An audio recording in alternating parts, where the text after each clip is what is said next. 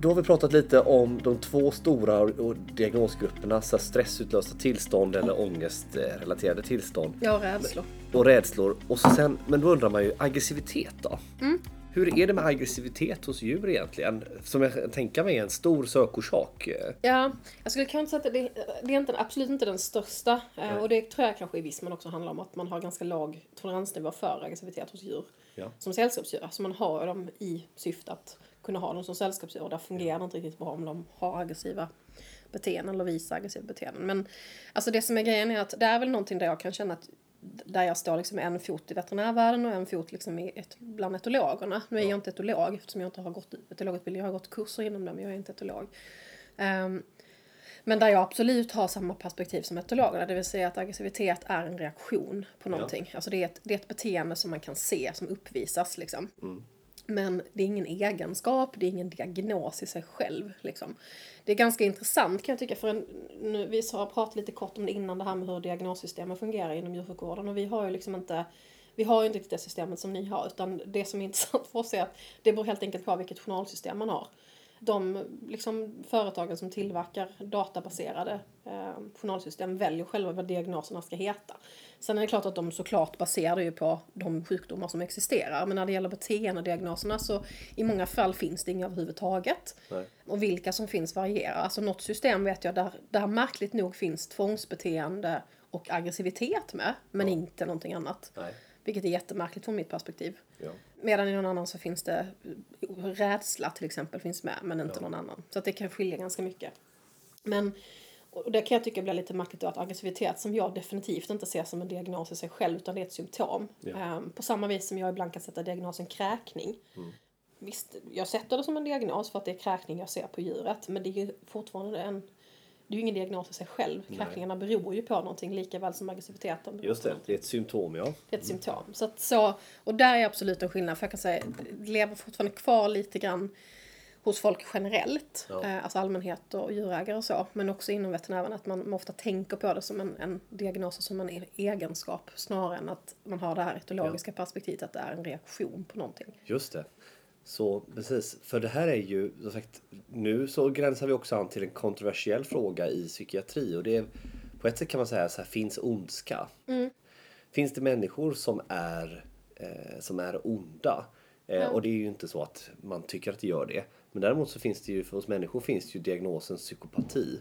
Eller antisocial personlighetsstörning och i det så ingår ju en rad omoraliska och normbrytande beteenden. Visst är det Så- där också att man inte kan känna empati och sådana saker. saknar förmåga, Ja. empati ingår som ett av diagnoskriterierna. Eh, och så. Men som sagt, något sådant finns inte i, i djurens rike. Nej, alltså där är det väl också lite grann att man... Det som hela tiden är... För där kommer jag in på liksom hela grejen med kognition. Ja. Och hur upplever djur sin värld och hur tänker djur? Och det vet vi ju i viss mån. Ja. Men verkligen absolut inte fullt ut. Och det är också såklart väldigt svårt att forska på. Ja. Ehm, och där tänker jag som på människosidan har man ju liksom en helt annan möjlighet att ha en diskussion med sin patient, vilket jag ju inte har alls på samma vis. Utan jag får ju tolka djursbeteendet från vad jag ser för beteende. Och vi utgår från, jag vet inte alls om det är samma begrepp man använder inom psykiatrin, men vi brukar prata om att man får inre stimuli plus yttre stimuli. Som resulterar i motivation för att utföra ett visst beteende eller göra en viss sak. Ja. Och ju starkare den är och ju starkare då det inre och det yttre är, desto troligare är det att man får då ett visst beteende. Ja. Oavsett vad beteendet handlar om. Och sen utifrån vad det då ger för typ av feedback så kan man då se det igen eller inte igen och så vidare.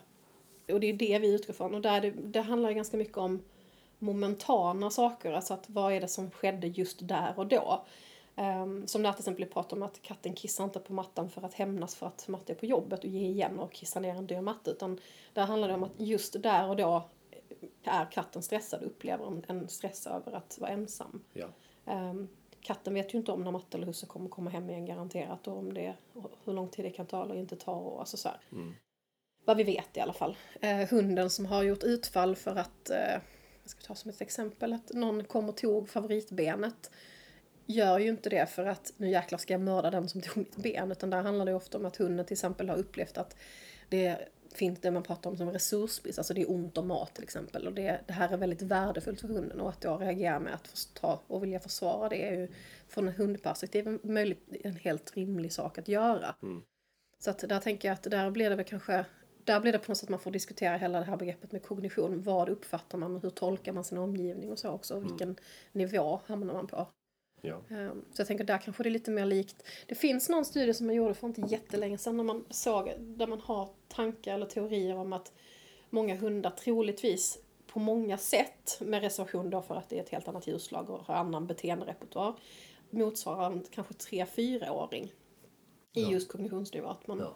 Hur man uppfattar världen och vad man har förmåga att tolka är likt. Ja. Samtidigt som man då å andra sidan har fåglar som kan göra jätteinvecklade liksom så här, flerstegs saker för att kunna komma åt en bit godis till exempel. Just det. Så att det... Men alltså aggressivitet, alltså, eller tendens till att reagera Ja. med våldsamhet eller utfall. Det kan skilja sig åt mellan olika djur. Absolut. Såklart. För en kanin är ju mindre aggressiv än en, än en katt. Och liksom vissa hundar är mer aggressiva Ja. än andra. Det beror lite på kan man säga. Vi pratar mycket om att om, om vi pratar om en situation där ett djur känner sig trängt eller känner rädsla eller känner att man, alltså, nå- någon, alltså, någonting är hotfullt. Ja. Så, och det misstänker jag att ni kanske också, att man pratar om, om fear, alltså flight eller fight response. Att man pratar om att man antingen då fryser till. Ja. Jag vet inte om ni använder begreppet freeze också. ja jo, det gör, det gör man ju Ja, absolut. så att fight, antingen då fight, att man försöker slåss därifrån och Ja. ta till Flight, fly eller freeze. Eh, Ja. Liksom att man bara spelar död. de Eller... tre F'n. Ja. Liksom. Så att antingen, och där är det såklart att vissa djur är mer benägna att, att försöka fly så länge det verkligen bara finns möjlighet till det. Ja. Medan andra kanske lite snabbare att tolka situationen som att jag kan inte fly och vad kan jag göra då? Då tar jag till fight som respons, alltså att försöka slåss och ta till tänder och klor och vad de nu har. Och sen har man då de som fryser. Och där, där skiljer det sig åt skulle jag säga mellan individer snarare än mellan djurslag. Alltså jag, har- det är ganska många kaniner som absolut kan reagera med att vara aggressiva faktiskt. Eh, och bit, de har också tänder och det kan göra ganska ont att bli biten av. Medan då katter också absolut också kan reagera på det men också generellt sett vill fly så länge det bara är möjligt.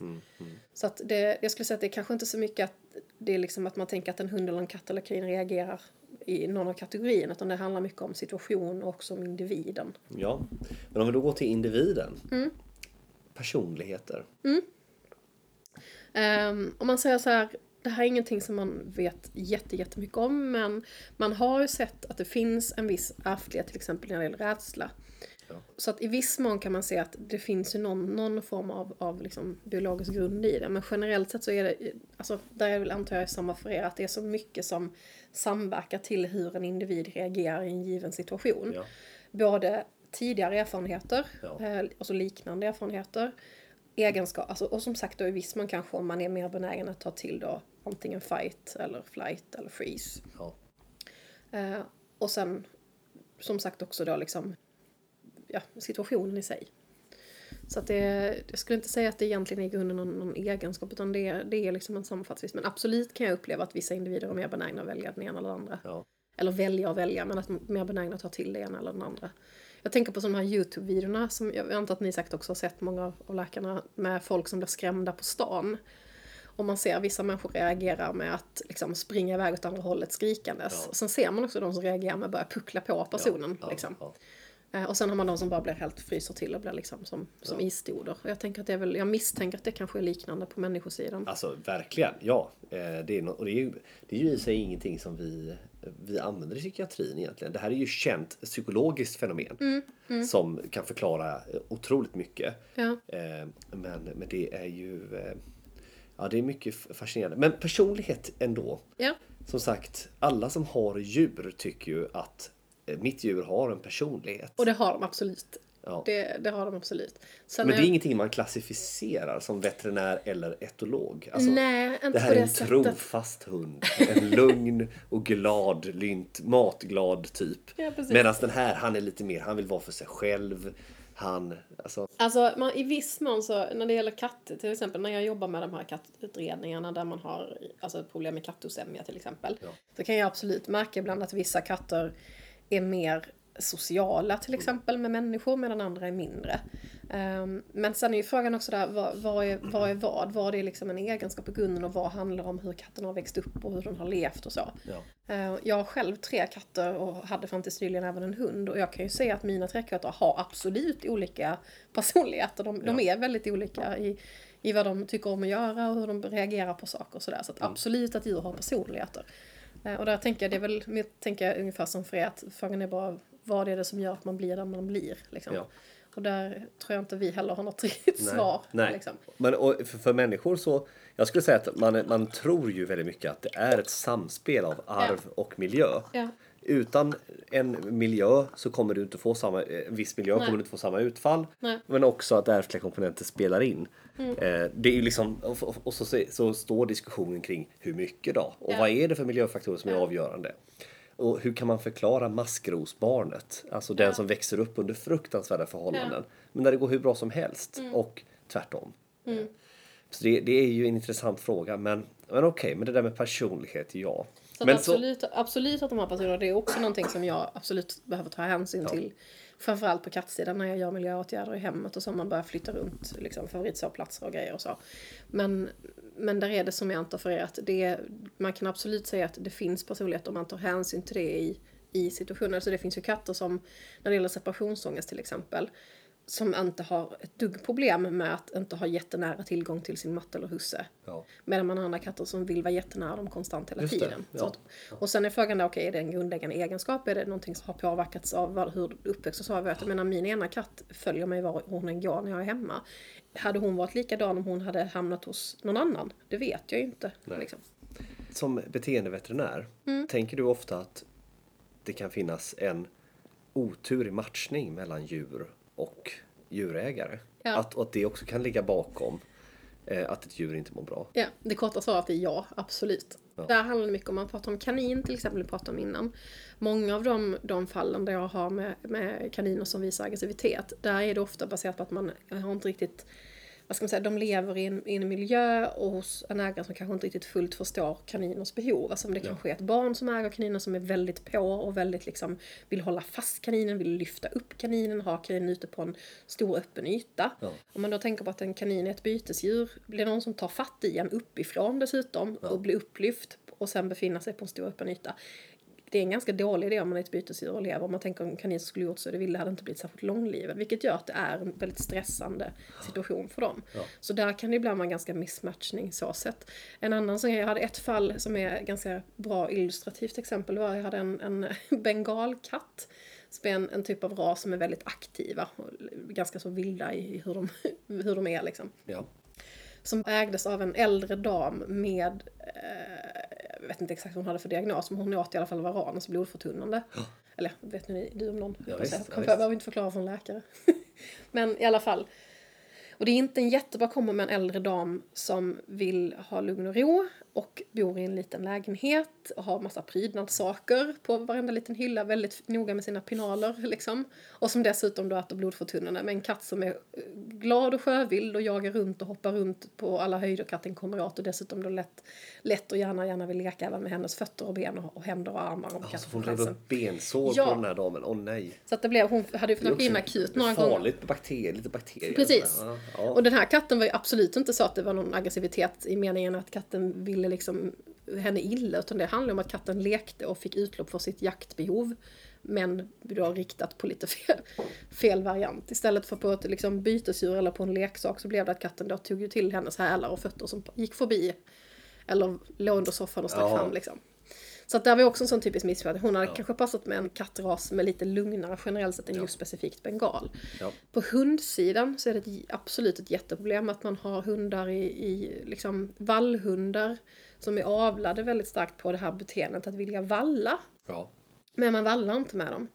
Och det gör att hunden får lätt då problematik med till exempel att de börjar valla cyklister eller börjar valla människor på stan eller, eller liksom bygger upp en frustrationsnivå som resulterar i att hunden blir aggressiv. Så att absolut att det ibland kan vara problem att man ja. på hundsidan, framförallt där vi har avlat väldigt starkt på vissa egenskaper. Ja.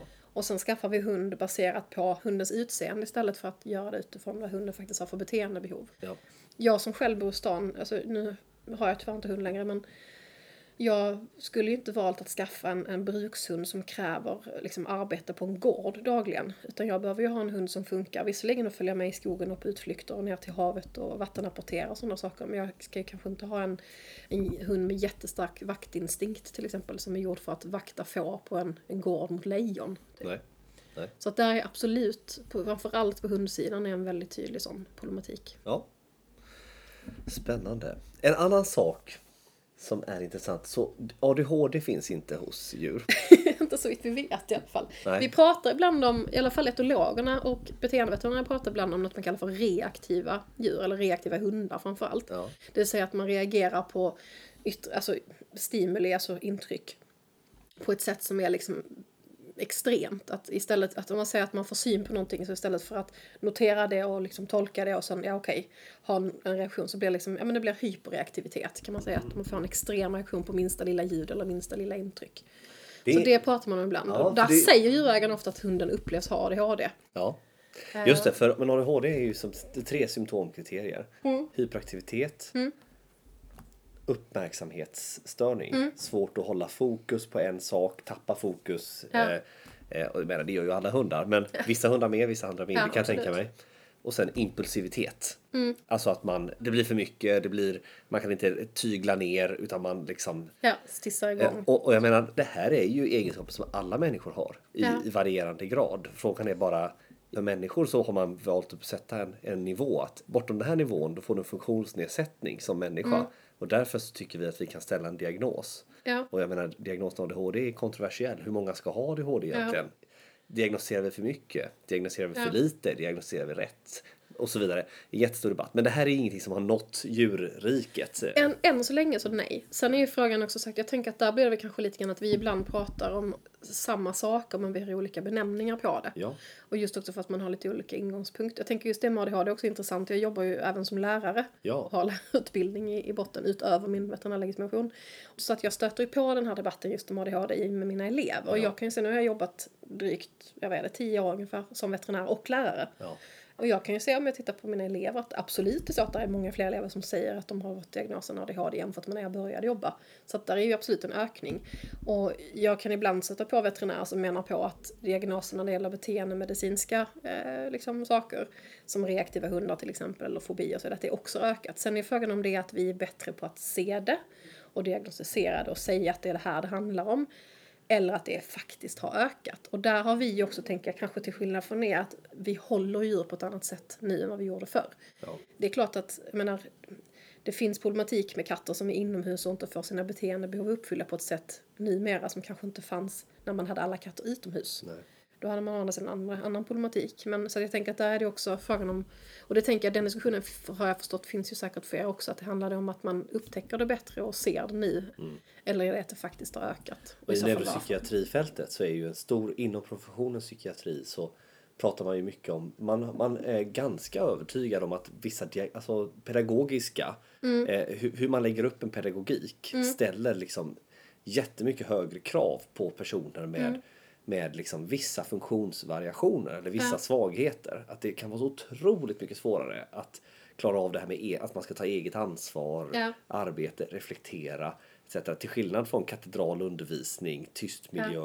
Eh, det är precis det här du ska göra, följ den här listan. Ja. Och det finns ju en sån debatt som pågår, och inte minst med just barn då. Ja. Som får olika diagnoser på grund av att det inte funkar Mm. i skolan. Så väljer man, vill man utreda Mm. och så måste man utreda för att få tillgång till insatser i skolan. Och så sitter man och gruffar i psykiatrin och tycker så här, men skolan kunde väl ha gjort det här oavsett diagnos. Ja. För hade det inte funnits en funktionsnedsättning om det hade funkat då hade ju inte heller diagnoskriterierna varit uppfyllda. Så blir det lite så här bråk, Ah, är bråk, eh, bråk från två håll. Det är en intressant historia. Jag Men- tänker som gymnasielärare så kan jag, den, hela den diskussionen är ju ganska för vi, vi alltså som, så att säga som gymnasielärare kanske snarare som beteendeveterinär men, men vi arbetar ju- just med att liksom differentiera undervisningen, att det ska finnas att det inte är så att man ska anpassa för den eleven som har just ADHD utan man ska differentiera undervisningen på ett sätt som gör att det funkar oavsett Ja. om du har det eller ej och att det liksom är att man gör det i helklass så att det ska funka för alla. Ja. Men det är absolut den svåraste delen med att vara lärare kan jag säga. Finns det djur som uppvisar medfödda beteendeproblem? för, människor så finns det ju faktiskt medfödda tillstånd, till exempel autism eller en utvecklingsstörning eller lindrig intellektuell funktionsnedsättning till Ja. exempel. Och så vidare. Det är faktiskt en svår fråga. Alltså, för att, som sagt, vi pratar ju mycket om, och där, på tal om det här med att prata olika språk, att jag skulle inte säga att jag pratar om medfödda beteendeproblem, utan där pratar man ju möjligtvis då om att det finns ärftliga komponenter i det, som till Ja. exempel det här med ljudrädsla hos hund, eller att man kan se ja, olika typer av besvär. Men, men jag, jag skulle inte fast om jag skulle använda just benämningen medfödd beteendeproblem. Nej. Liksom. Nej. Sen är det klart att, att som sagt, där han... Då skulle man tänka sig, nej men här kanske det finns någonting ärftligt. Så, Ja, sen, klart, sen finns det ju som sagt saker där det överlappar lite, men då blir det är också lite så här, nästan lite långsökt. Men när man pratar om till exempel, man kan se ibland på, på eh, katter där mamman har haft eh, kattpest eller varit smittad av det under dräktigheten. Där man kan se att katterna får en, en påverkan på cerebellum. Det man ser på dem är ju framförallt att de kan bli ataktiska till exempel. ja. Så de har svår koordinationsstörningar Precis, när de går. koordinationsstörningar. Ja. Och sen kan man ju såklart också ha, men när man har valpar som kanske där har varit problem med syrebrist i samband med förlossning. Det är klart att man kan få saker som är kopplade till sådana saker. Men De får så cerebral pares då. Eh, alltså, vi, nej, jag skulle inte använda den benämningen. Men det är som sagt återigen det här med att vi, vi pratar lite olika språk. Att man har lite annat synsätt på, på djur just för att de är djur. ja. Men med det sagt inte att det inte finns. Utan det är nog som att vi pratar inte om det i den, Nej, liksom, in, på det sättet. Riktigt. Någonting som jag måste fråga, Mm. eftersom att du, du pratar med en psykiater. Det är ju Mm. ett djur som inte mår bra psykiskt. Kan det leda till självskada? Ja, absolut. det kan det. Det finns eh, faktiska tillstånd där man pratar om till exempel om självmutilation och jag har en del sådana patienter. Till exempel jag har en katt som har slickat och tvättat och nafsat bort all päls på hela magen och sen insida lår och sen så småningom nu har det också börjat på frambenen. Um, där man kan se att det är en typ av reaktion på antingen kan det vara på grund av smärta, att katten gör det som ett uttryck för att den har ont. Men det är också mycket, ibland så att det faktiskt är på grund av stress. Jag hade ett sånt fall för några år sedan där djurägaren hade åkt på semester och lämnat katten på kattpensionat och sen när de kom hem så, katten hade inte gjort det på kattpensionatet men sen när de kom hem så började katten i princip ta, tvätta bort sin egen päls. Eh, och Man kan också ibland se det på, hos råttor till exempel. Där kan det också vara att det är riktat mot kompisen istället mot en själv. Ehm, Det finns ett jätte, en jättestor och väldigt, väldigt multifaktoriell problematik hos fåglar med fjäderplockning. Där man kan se att det ofta har en koppling till att de är understimulerade, inte får sina beteendebehov uppfyllda Ja. och är, liksom lever i en miljö som de inte alls egentligen är anpassade för. Ja. Så att det, Och de plockar sina egna fåglar? Ja, de kan, plocka, fjädrar? de Ja. plocka, kan plocka sig så att de liksom är helt kala. Ja. Ehm, Så att det finns absolut en sån problematik. Hundar kan ibland få något man kallar för slickgranulom som är att de får liksom en, en hudåkomma som är till följd av att de har slickat och slickat och slickat och slickat Ja. och slickat. Så att det finns absolut. Det är ju... Det, det som direkt slår mig dock när du säger att man slickar bort fläck, kala fläckar och så. Mm. Det finns ju en diagnos som heter dermatillomani Okej. inom psykiatri som är just det, räknas inom gruppen tvångssyndrom. Alltså som en form av OCD eller tvångssyndrom. Mm. Ja. Där man just plockar i Ja. huden eller man petar eller man slickar på Mm. sitt hår eller, eller man suger på sig. Alltså det finns en, en lång rad varianter. Ja. Och man skulle kunna fundera kring Jag tänker eh, för rör- rör det här- papegojorna är definitivt, tror jag absolut, det kan påminna om det. Sen det klart att ibland kan det ju finnas fysiska orsaker. Ja, Det finns ju katter där det visar sig att det här beror på allergi till exempel, att de har klåda. Ja, ja, så- eller där de har ja. ont på grund av tandproblem till exempel och sådär. Ja. Men ibland så är det så en ren psykogen eh, problematik. Fascinerande. För precis, för det, beteendet har ju säkert någon form av... Det har ett syfte. Det är kanske ett ångestlindrande syfte Mm. Ja. av något slag. Ja. Eh, Och för människor så delar vi upp då det klassiska självskadebeteendet som kan vara till exempel att man bränner, skär eh, och, Mm. eh, för att ångestreglera. Det liksom differentierar vi ut bort från, från till exempel det här man plockar, hudplockande. Okej. Eh, där vi har liksom delat in det i mer ett tvångssyndromspektrum. Mm. Eh, bara beroende på hur man svarar på behandling alltså. jämfört med skillnad från det här elda, bränna, smärta. Ja, och så vidare. Som, som ofta har kopplat till andra tillstånd. Men eh, intressant. Jag intressant. tänker vi, vi gör snarare en distinktion när man pratar om tvångsbeteenden som är någonting ett djur gör tvångsmässigt. Ja. Och sen har vi också ett, en, det vet jag inte om man pratar om människor, där man pratar om stereotypier. Ja. Det kan man se hos djurslag som är en miljö där de, de liksom inte alls får sina beteendebehov uppfyllda. Där man kan se, och det är väldigt specifi, artspecifika saker. Där man kan se till exempel, man pratar om vävning hos hästar, så att de står och gungar med huvudet fram och tillbaka, och fram och tillbaka, och fram och tillbaka. Ja. Man kan se cirkelproblematik hos hundar, att de jagar sin svans cirkel, varv efter varv efter varv efter varv efter varv. Alltså Ja, på ett i- tvångsmässigt sätt. Jaha. Eh, De kan ju göra det en korta stund utan att det är något Ja. konstigt, men Ja. liksom, det är verkligen tvångsmässigt och man kan knappt bryta det. Ja. Eh, Och man kan se fjäderplockning, alltså att f- höns till exempel då, som bor inom industrin kan plocka bort varandras och picka sönder varandra i princip. Usch. Grisar kan bita bort varandras svansar. Just. Och det är liksom väldigt specifika beteenden som man kallar för stereotypier som Ja. då också är djurslagsspecifika. Medan vi å andra sidan pratar om tvångsbeteenden som till exempel de här sakerna med katterna som slickar bort sin päls Ja, eller ja. hundarna och, och så. Ja. Så att där gör man en sån distinktion från vårt perspektiv. Så jag tänker att det, det, det som sagt det finns mycket som är liknande. Ja.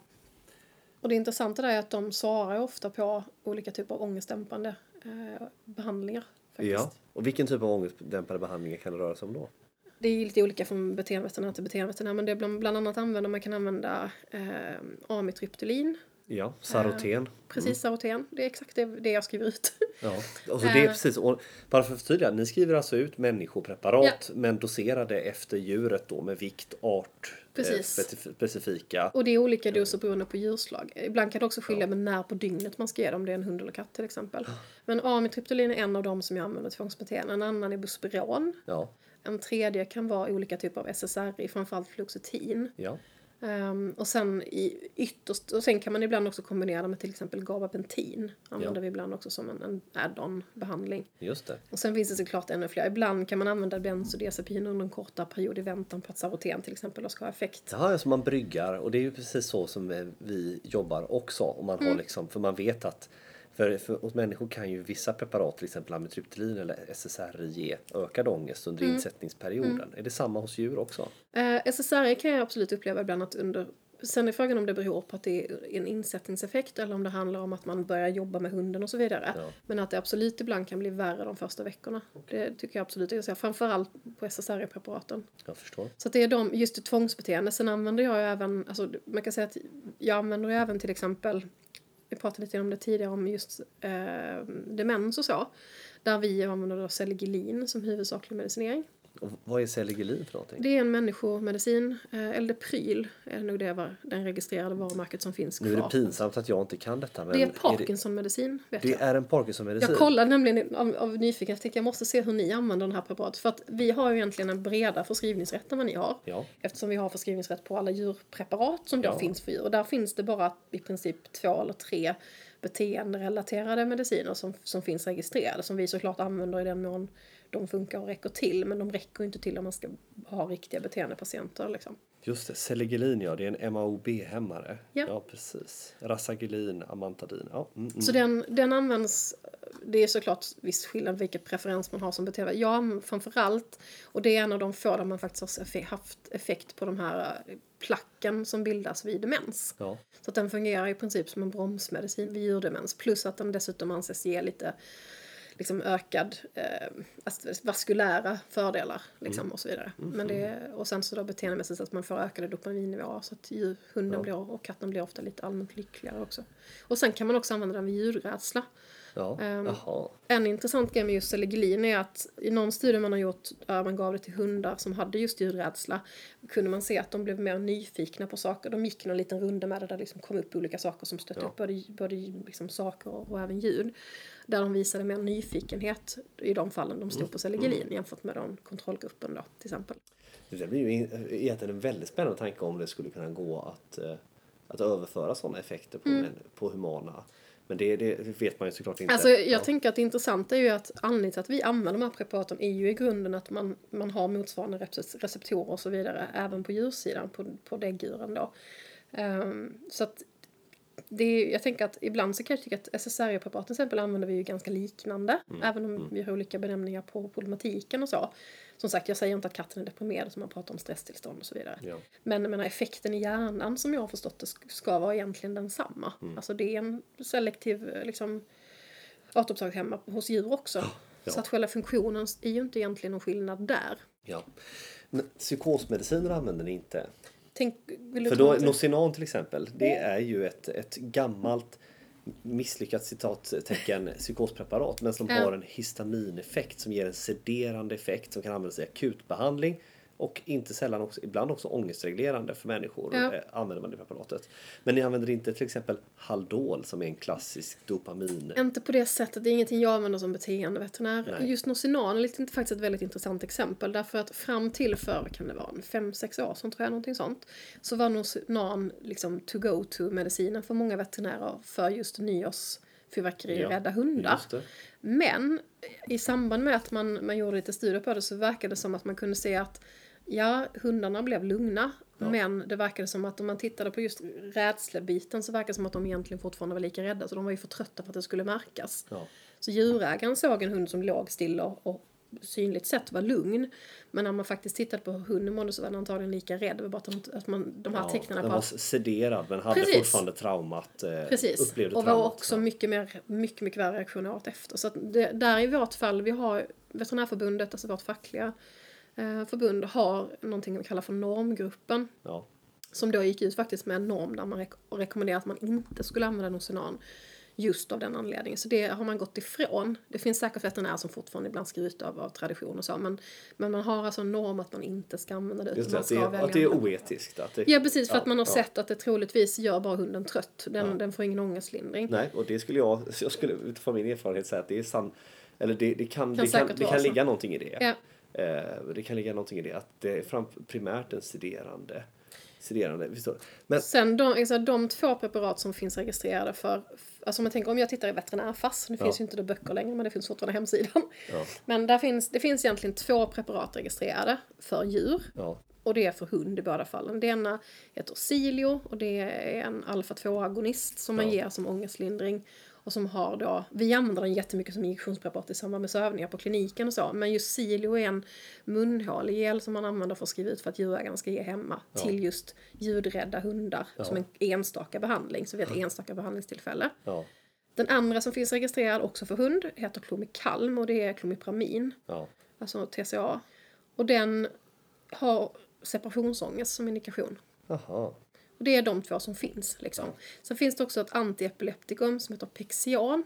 Det är ett antiepileptikum som man egentligen skriver ut mot just epilepsi. Ja. Men på tal om det här med att man extrapolerar från andra länder där amerikanska FDA eh, gick ut med en rekommendation att man såg att det hade effekt vid några dagars behandling just runt nyår till exempel. Aha. Mots, motsvarande. Så det är det som finns registrerat som vi som veterinär kan skriva ut. Allting annat som jag använder, vilket ju är den stora majoriteten, är off-label-användning Ja. av humanpreparat. Just det. Och där är det då framförallt det jag använder, det är då SSRI, det är då eh, förutom då klomipramin så även då amitriptylin som vi pratade om, alltså Saroten. Ja, Och sen använder jag då Buspron, eh, Selgelin som sagt. ja, Och sen är det då ibland och enstaka fall bensodiazepiner eh, och gabapentin. Ja, ja. Det är väl liksom de stora, Ja, de stora förstår. grupperna. Ja, förstår. Spännande. En, en bisarr fråga Mm. så, som jag ändå måste ställa det är Finns det självmordsbenägenhet bland husdjur? Nej, alltså det skulle jag inte säga. Inte i den, inte i den vad ska man säga, inte i den benämningen som, som jag tänker att man använder som psykiater. Eh, eller om människor. Så katter som har ramlat ut för balkonger eller blivit påkörda. Man tänker aldrig att det här är att det finns någon, någon önskan om att avsluta Nej, livet. det, det, alltså, sagt, sen är det väl klart, nu, det är, ju, det är väl ingen som egentligen kan säga sagt att vi vet att inte, inte djur kan vara det, men, men nej, troligtvis inte. Nej. Och där handlar det ju som sagt återigen om vilken kognitiv nivå djur är på. Kan de planera och vara medvetna om att vilja dö? Tro, och det tror vi i nuläget inte på det sättet. Så att, Förekommer det inneliggande vård för djur som mår psykiskt dåligt? Ehm, Alltså att man tar in någon på... Det, nej, inte i den benämningen som ni gör det. Sen är det klart att ibland så kan det överlappa till exempel en, en en katt som har de här urinvägsbesvären och som får en, en sekundär infektion på grund av det kanske behöver inlägg för att om det vandrar upp och blir en pyelonefrit av det. Men, men nej, det skulle jag inte säga. Men aldrig på, liksom, på grund av beteendemässiga problem att man, att man behöver vara på, hos veterinären ett tag? Nej, vi har inga riktiga psykiatriska avdelningar på det sättet. Faktiskt. Tvärtom skulle jag säga att vi snarare ibland kan behöva ge lugnande medel för att djuren är inlagda på klinik och tycker ja. att det är fruktansvärt jobbigt ja, att vara inlagda. Ja, jag kan tänka mig att det är inte super, det är, man, det är kanske lite bur Bur, ja, precis. Man, man befinner sig i bur, man är hemifrån. Ja. Utan där är väl snarare ja, tvärtom att de flesta av våra patienter mår ju som bäst i sin hemmiljö generellt sett. Okay. Där är också en sak som är ganska intressant. Där vet jag inte alls om det är samma för er. Det skulle väl kanske vara de som jobbar med barn som har det. Att man, vi har en helt egen, ett helt eget område där man pratar om hantering av djur inför veterinärbesök och på kliniken för att minimera stressen på klinik. Ah. Och det är också någonting jag använder till exempel gabapentin och ger in, alltså inför ett veterinärbesök på ungefär samma sätt som jag vet att tandläkare ger olika typer av, av liksom ångestlindring och så inför att man ska göra, Just, ta bort en visdomstand eller liknande. Om man har tandläkarskräck. Precis. Ja. Ja, men det är ju rimligt. Man brukar inte premedicinera eh, hos människor. Däremot kan man ju till exempel upp då precis att man, man låter det få ta sin tid. Man kanske leker mm. mycket som en del innan besök. Mm. Alltså att man avdramatiserar mm. vet jag. Och för vuxna så gör vi inte så mycket sådana åtgärder kanske vi borde hos vissa som har väldigt svårt att komma till sjukvården faktiskt. Ja, jag tänker ibland på sådana här människor som är jätterädda för att gå till tandläkaren. Att jag, ja. jag har en vän som är, hon har nästan samma rädsla inför att gå till tandläkaren som en, en av mina djurägares katt har inför att åka till veterinär. Ja. Uh, där jag då har hjälpt till med katten att, att göra en massa åtgärder, både hantering och massa saker på kliniken man kan göra för att minimera stressen där, men ja. också ju faktiskt medicinering. Ja.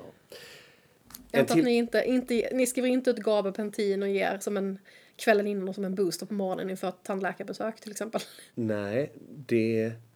Jag tror att man, jag tror vi är jättesnåla. Eh, ja. Utan det får liksom i sådana fall, det får tandläkaren stå för. Ja. Och i den mån man har en jättestor problematik med tandläkarskräck så skulle vi förorda att man går i en ordentlig KBT, alltså en exponeringsbehandling, ja. en, KBT-behandling. Och liksom möter, möter den här eh, skräcken. Eh, så. Där tänker jag att den stora skillnaden är väl att våra patienter vet inte varför Nej. de utsätts Nej. för det här medan de flesta människor är väl kanske medvetna om varför man är hos tandläkaren och sådär. Men eh, en sak jag måste fråga. Mm. Det är att när jag berättade att jag skulle träffa en beteendeveterinär och mm. prata mm. om medicinering av husdjur. Då, då är det ju som att vissa är sådär, ja men självklart. Det här mm. är ju liksom, vad spännande, det är en självklarhet. Och mm. många, till exempel mina föräldrar, tyckte att såhär, nej, nej, nu får det vara nog. Nu, nu är liksom, ja. nu är gränsen nådd. Det här är inte rimligt. Vi ska inte hålla på och ge våra djur eh, psykofarmaka. psykofarmaka. Mm. Är det någonting som du stöter på den inställningen? Gud ja, det gör jag verkligen. Jag kan säga att det har minskat ganska mycket. Men, men det, alltså, när jag började jobba med det här för ungefär tio år sedan så var man verkligen, då var det fortfarande så att en del veterinärer också var väldigt såhär, men bara i hela, nej, nu, nu, nu är liksom så ni tvingas liksom kämpa lite inom veterinär Absolut. För sen, sen kan jag säga att generellt sett de senaste, nu har jag jättemycket kollegor som, är, som hör av sig och intresset för det här är jättestort. Sen är det ju som sagt en skillnad också att om man tittar i Storbritannien, USA och Frankrike så är det lite annan, annan situation där det har funnits mycket längre. Det som är väl grejen är väl kanske att jag tänker att jag, för några år sedan så vet jag att jag, jag, det kom ut någon rapport om det som kvällstidningarna rapporterade om att förskrivningen av psykofarmaka till djur hade ökat lavinartat. Um, det, roliga var, det roliga var bara det att när det visade sig sen att när man gick in och tittade på den här statistiken så var det i samband med att den här OSK fyrverkerimedicinen hade lanserats.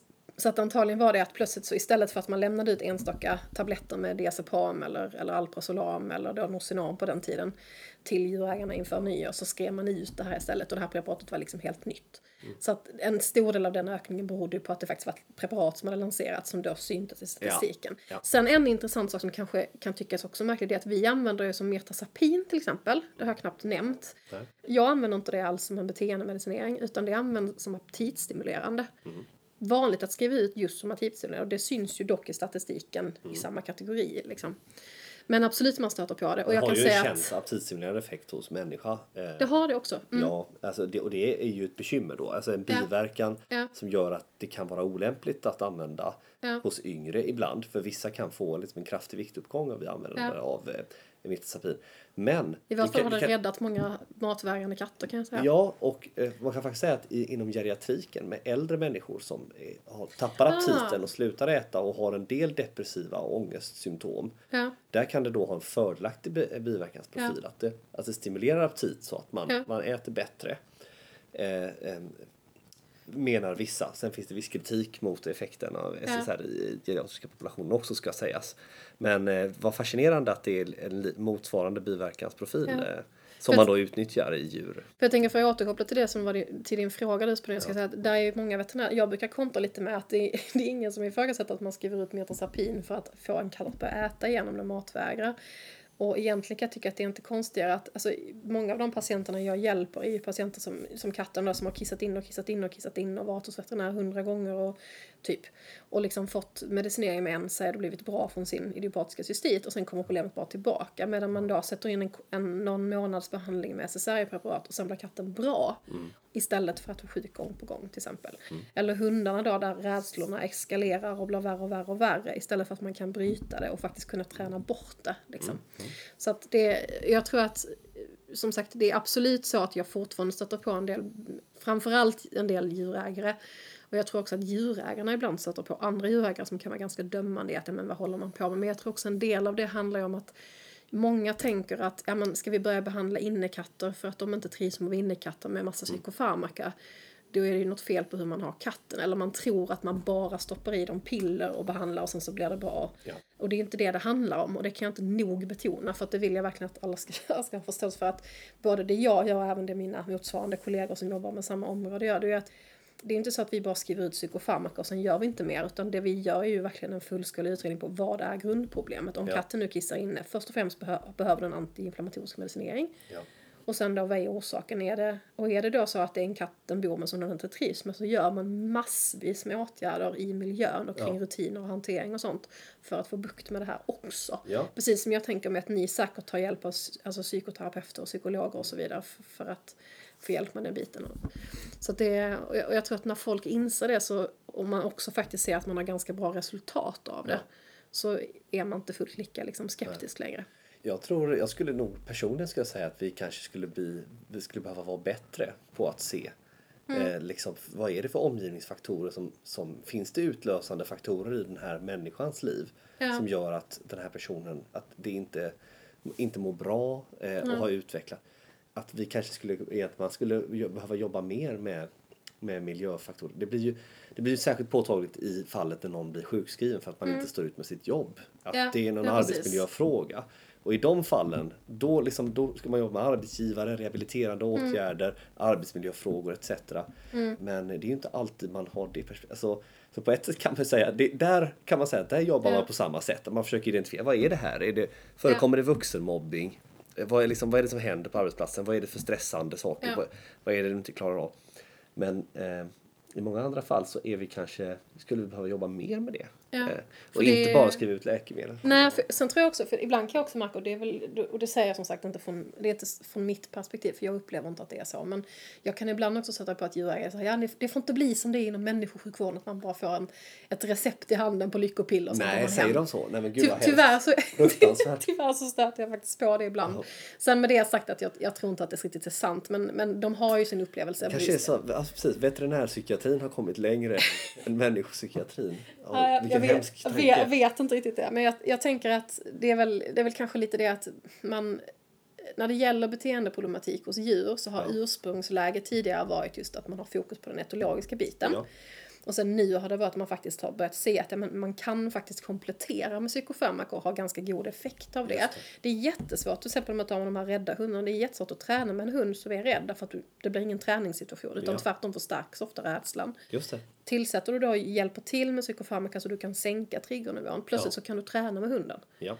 Um, om man tar de här katterna som kissar inne och sagt återigen, om det nu är så att katten stresskissar för att ha en återkommande cystit på grund av att man har skaffat barn, ja, du kan ju inte ta bort barnet från familjen. Okay. Och är katten väldigt fäst vid matte eller husse så är det inte heller riktigt rätt att omplacera den för att det är ju en grundproblematik att hela poängen är ju att den upplever att den inte har tillgång till sin favoritmänniska. Ja.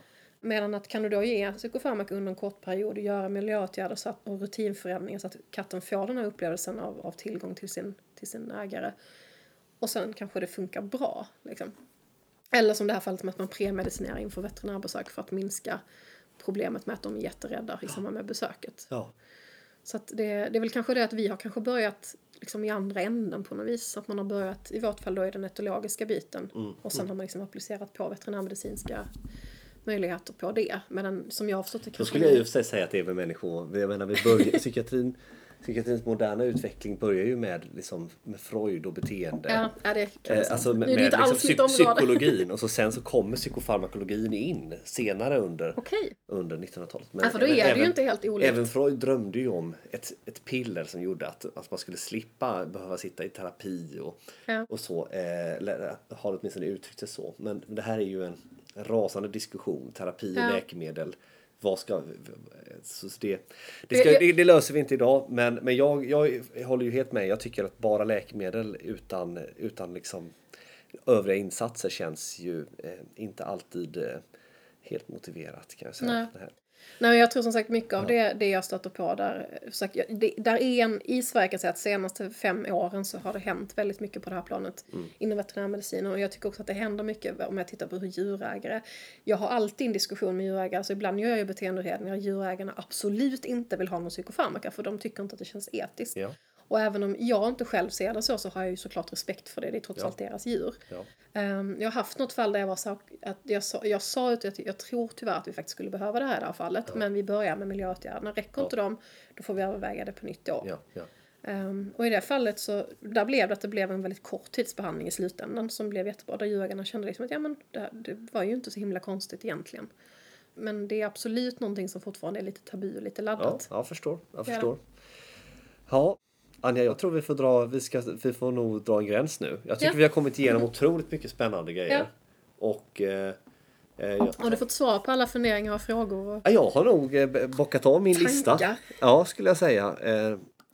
Och eh, Jag vet att du hade en kort fråga som jag tänkte jag ska svara på. För du vet att vi sa i pausen angående det här med försäkringar. Ja. Ehm, att en skillnad som är mellan vår sjukvård och människosjukvården, er höll jag på att säga, men jag är faktiskt människa, jag är inte djur själv. eh, är ju att hela djursjukvården är, är, ju, den är ju baserad på djurägarnas egna, de står ju för sina egna kostnader. ja, Sen finns det i Sverige ändå relativt många djur försäkrade ja, i privata varianter på försäkringar. ja, Eh, Det som är grejen där dock är att de nästintill aldrig täcker beteendeproblem. nej, Så att det gör att all, alla former av beteenderelaterade undersökningar och åtgärder så får djurägarna själva liksom hosta upp kostnaden för. ja, finns vissa gränsfall med undantag som, som till exempel de här katterna som har en, en idiopatisk cystit där vården för, för den biten täcks ja. medan det som är mer rent beteenderelaterat gör det inte. Nej, där ser man. Men eh, rädda hundar så det kan vara det om det finns något enstaka försäkringsbolag som gör undantag men majoriteten täcker inte det. Det hoppas vi att det blir ändring på. Ja, det hoppas Så att djuren också. får eh, tillgång till bättre vård för sina Ja. stress och ångestrelaterade tillstånd. Ja. Det är, man brukar säga det är psykiatri och tänder som jag brukar vara undantaget från allt. All vanlig, både vad gäller inom vanliga sjukvården tänker jag från vårt perspektiv då försäkringar. Mm, Okej, jaha. Ja, det är ju... Ja, fascinerande. Men Anja, jättestort tack för att jag fick prata med dig. Det var så lite så. Hoppas Ja. du känner att du har fått, fått lite intressanta perspektiv och Ja, att det har varit någorlunda lättförståeligt även om det är ja det tycker jag verkligen. Ja, andra sidan på, av, så att säga, jag på säga andra sidan sjön men det är lite grann ja. motsvarande sida av, av Andra sidan artgränsen. Mm. Ja.